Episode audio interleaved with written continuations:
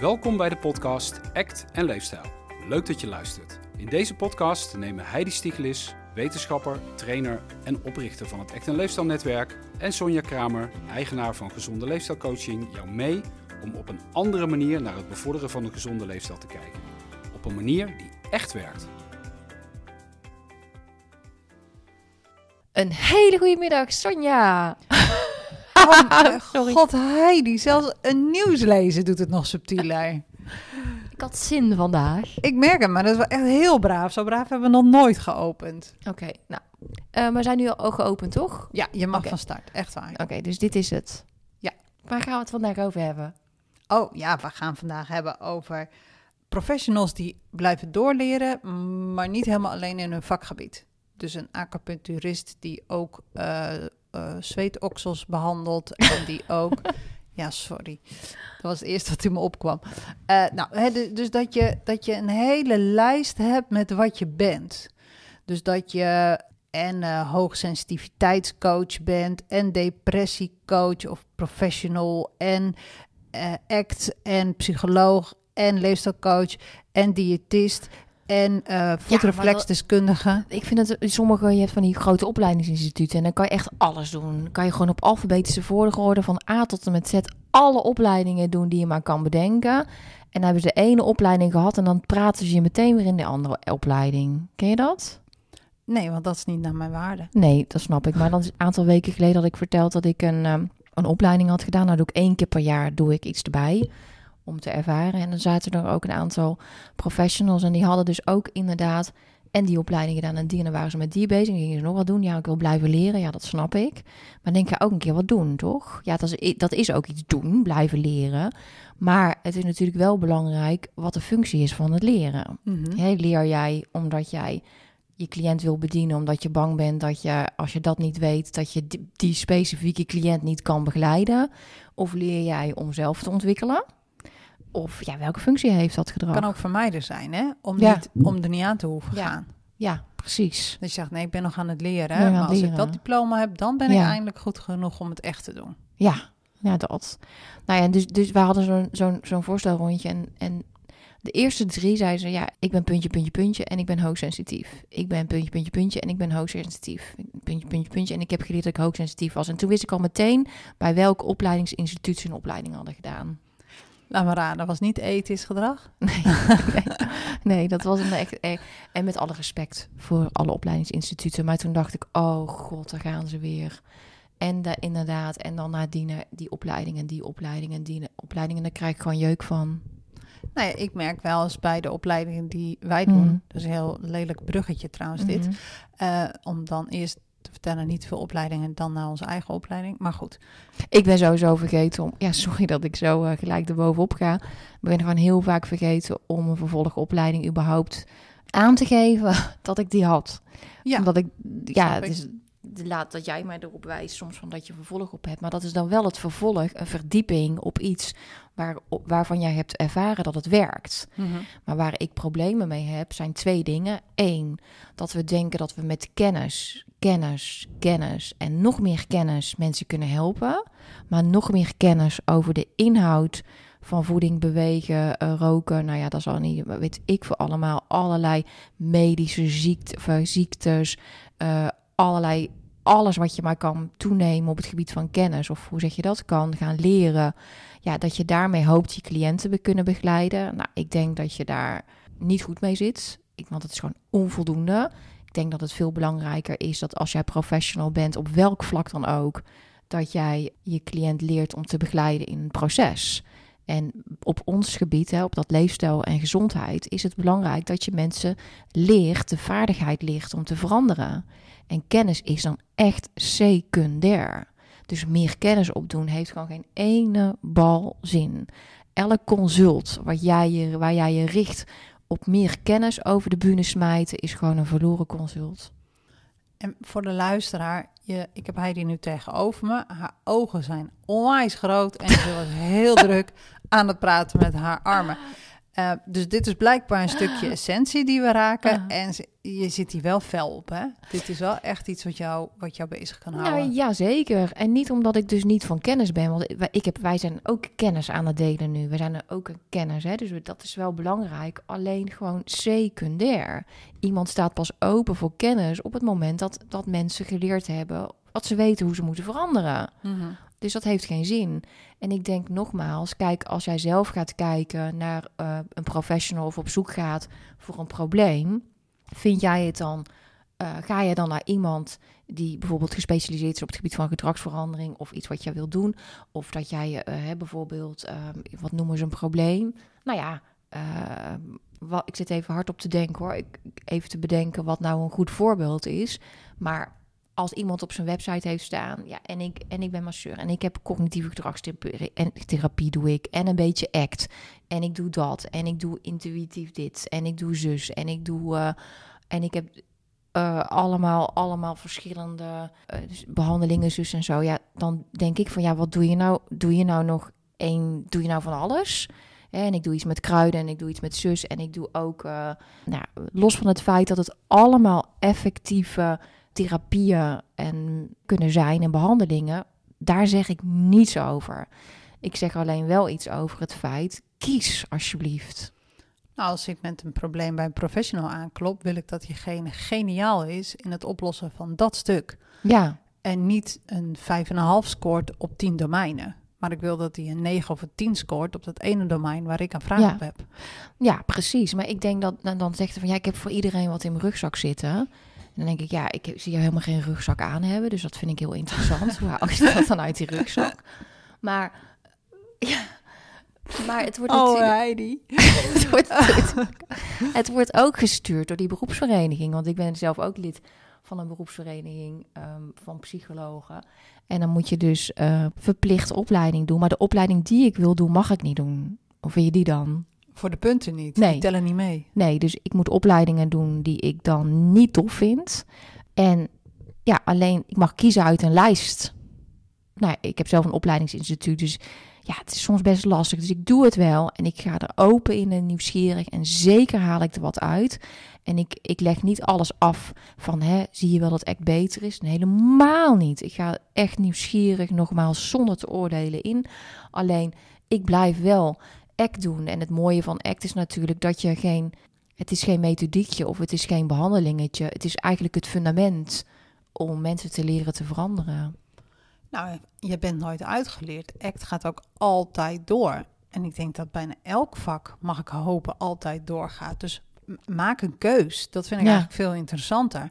Maak een keus en, en ga daar tot sint Jutemus aan door. En niet als nou net even dat hele stapbudget bij jouw favoriete opleiding niet aansluit, dat je dan afhaakt. Maak een keus. En als Ja. jij voor, nou in ons geval is ACT een handig voorbeeld. Als jij voor ACT gaat, Ga er dan ook voor. En ga dan niet eh, kijken hoe je poesen moet kammen, omdat je daar wel punten voor krijgt.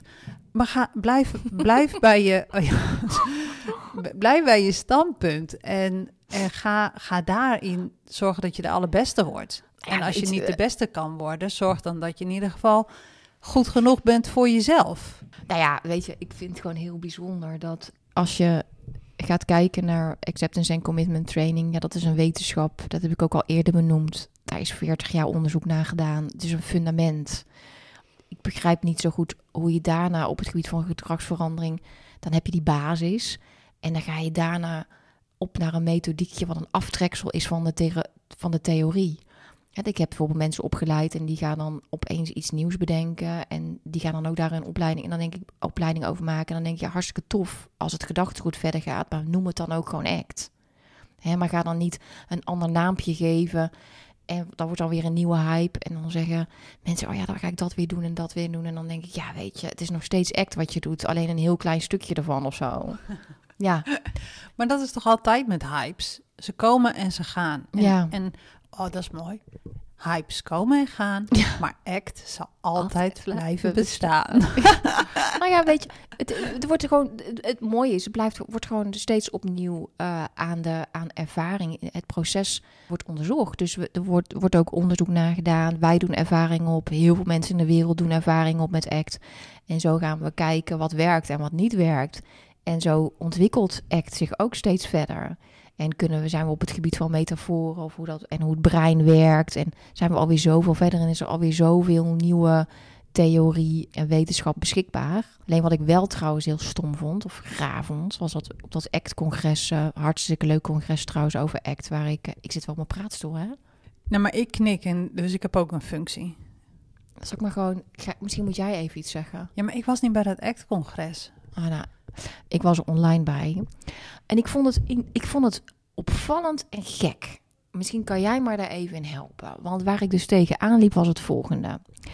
Wij, of wij, de ACT community, ACT, is procesgericht. Dus dat betekent, hè, we kijken in het proces naar ja, wat mensen ervaren. We leren mensen om bij ongemak te zijn en in- innerlijke ervaringen te hebben voor wat ze zijn, zonder ze te hoeven veranderen.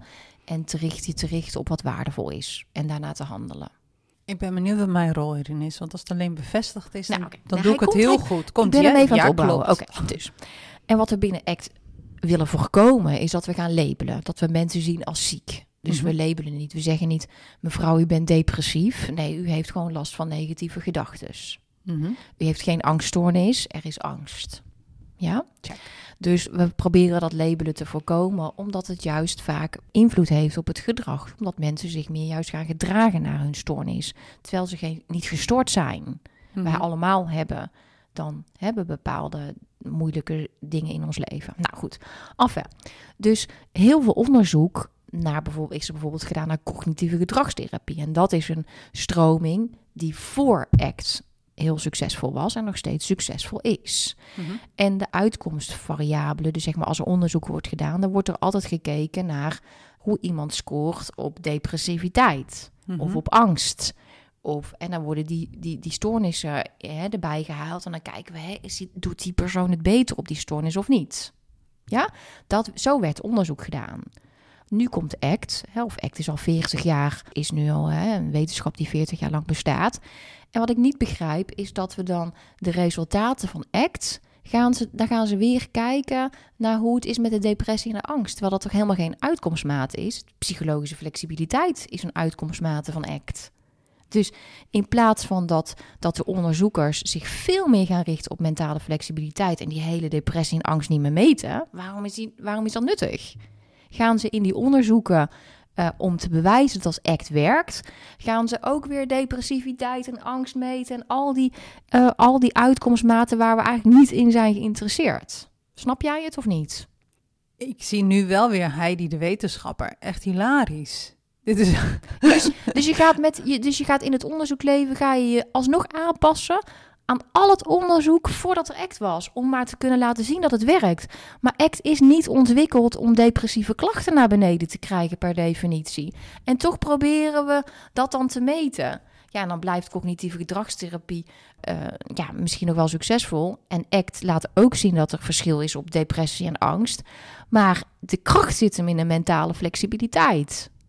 Die En- je kan aanleren Maar door die, de processen wat niet gemeten is bij al die andere therapieën en modellen. En dan denk ik, waarom zou je iets gaan meten om erbij te horen? Nou ja, ga ze eens bellen. Ik denk dat, ja, ja. Nou, er wordt wel naar mentale flexibiliteit gekeken, gekeken maar veel te weinig. Ik zat nog even na te denken over... En want heel af en toe vind ik het onheerlijk om in een oplosreflex te zitten. Mhm. Aangezien het ook mag bij ACT. Niet de oplosreflex, maar wel als je het kan oplossen, doe dat dan. En ik denk ook dat wij hier een klein stukje kunnen oplossen. Mhm. Omdat wij natuurlijk dat netwerk aan het bouwen zijn. Absoluut. Dus ACT zal altijd, er zal altijd nog geleerd kunnen worden binnen het specialisme wat je hebt gekozen. Ja, en ehm, je blijft je ontwikkelen. En je wil je toch ook blijven ontwikkelen? Nou ja, zeker. En ook al, ook al heb je misschien bij jou alle opleidingen gedaan, ik vind het nog steeds belangrijk om door te gaan. En daarom hebben we ook gekozen voor die intervisies die we landelijk gaan organiseren. Want, en dat is ook zo. Kijk, als ik, een, als ik een cliënt ben en ik ga naar een professional omdat ik een hulpvraag heb, dan wil ik ook dat mijn professional, dan hoop ik of daar ga ik vanuit dat die zich blijft ontwikkelen. Mhm. En niet per definitie door weer iets totaal anders erbij gaan doen, omdat het verplicht is van de beroepsvereniging om kennis op te doen. Ik snap dat sowieso niet. Dat komt gewoon vanuit jezelf, toch? Je intrinsieke motivatie om, ja. om gewoon goed te willen zijn in je vak. Ja, en, en ook te blijven oefenen met het materiaal. Hè? Misschien niet specifiek met hetzelfde materiaal als waar je cliënt voor komt. Misschien niet met die hulpvraag. Maar wel om je eigen vaardigheden eh, als professional te blijven trainen. En ja, om jezelf ook kwetsbaar te kunnen opstellen en te weten hoe het, hoe het is. Dus het is echt om elkaar ook te coachen en te begeleiden. Is denk ik super belangrijk dat je intervisie doet. Of dat je op een of andere manier jezelf blijft ontwikkelen. Ja, maar daar is er nog wel een verschil in. Want Mhm. stel je voor, je bent diëtist in een praktijk en je bent de enige, of misschien met z'n tweeën, van de tien die act, een op, actopleiding heeft Mhm. gedaan. Meestal gaat die intervisie dan nog steeds over, joh, ik heb Marie, overgewicht, bla bla bla bla bla. Ja, maar het gaat dus niet meer over de act-component die Nee. je dan in de intervisie inbrengt. Want de rest van je collega's zijn gewoon nog niet daar. Nou ja, dus mijn, mijn eh, punt is, als je een act-professional bent, ga dan intervisie doen met andere act-professionals. En doe dat ook op een act-wise manier. En die gaat niet over de inhoud. Hè? Want die kennis, die heeft iedereen wel. Het gaat niet per definitie om kennis. Maar ik weet zeker dat heel Nederland echt wel weet dat een appel gezonder is dan chocola. En het begint met kleine stappen. Soms heb je zoveel kennis dat je cliënt niet eens die kennis allemaal zal kunnen opnemen, kan onthouden of daar iets mee kan doen. Omdat die stappen far and away zijn. Hoe meer kennis jij opdoet op de inhoud, hoe verder weg jij komt van je cliënt. En dat is ook iets waar jij mij wel eens voor waarschuwt. Dat ik zoveel bezig ben met het act gedachtegoed en met RFT, wat daaronder ligt. En dat ik zoveel lees en toepas en internationaal bezig ben met kennis opdoen. Dat je zegt, Heid, dit is, je moet echt terug naar de mensen die je aan het trainen bent. Want die hebben er nog nooit van gehoord. Eigenlijk op die fiets. En jouw kennis is gewoon zo groot en het liefst deel je alles. Ja. Al jouw kennis gooi je het liefst in die vier dagen van de basistraining, Mhm. gooi jij overboord. Mhm. Dus ik, ik denk dat, Ja. dat daar eh, nog winst te behalen is. Of je trainingen langer maken of meer verdiepingen, trainingen Ja. aanbieden. Maar in ieder geval die intervisie op een act-wise manier doen, om heel even terug te komen, is wel heel erg belangrijk. En het mooie van dat model is wat we hebben, eh, wat wij gaan aanbieden in ons netwerk, is ook dat iedereen op zijn eigen act-niveau kan instromen. Dus of je nou net de basis hebt afgerond of je hebt net het VIP-traject afgerond, iedereen kan zijn rol pakken. Ja, want daar begon jij net inderdaad over. Dat als je maar met z'n tweeën bent in een, in een grote of hè, maar met z'n tweeën bent en toch iets met intervisie wil doen. ehm, dan heb je natuurlijk de neiging omdat ja, je, gaat toch, je moet ook iets verplicht van intervisie doen. En als dan acht mensen niet hebben gehad, dan is het heel moeilijk om het, om het act-wise aan te pakken. Dus daarom is het belangrijk, denk ik, dat wij inderdaad eh, die mogelijkheid bieden om dat met andere act professionals te doen. Zodat je eh, niet alleen ja, voor jezelf een betere professional kunt worden en blijven, maar ook uiteindelijk je cliënten beter kan begeleiden in het actproces. En dat eh, los van de inhoud. En die inhoud is natuurlijk ook belangrijk, de kennis, maar echt secundair als het gaat om gedragsverandering.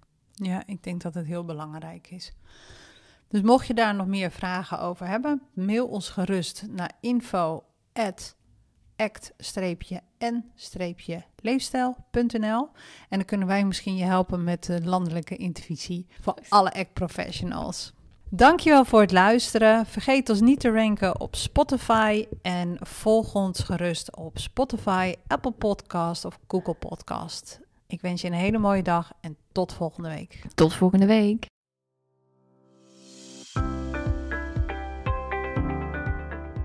Dankjewel voor het luisteren. Vond je deze podcast waardevol? Of heb jij zelf een vraag voor de podcast? Stuur dan een berichtje via Instagram podcast Act en Leefstijl of mail naar info at act-n-leefstijl.nl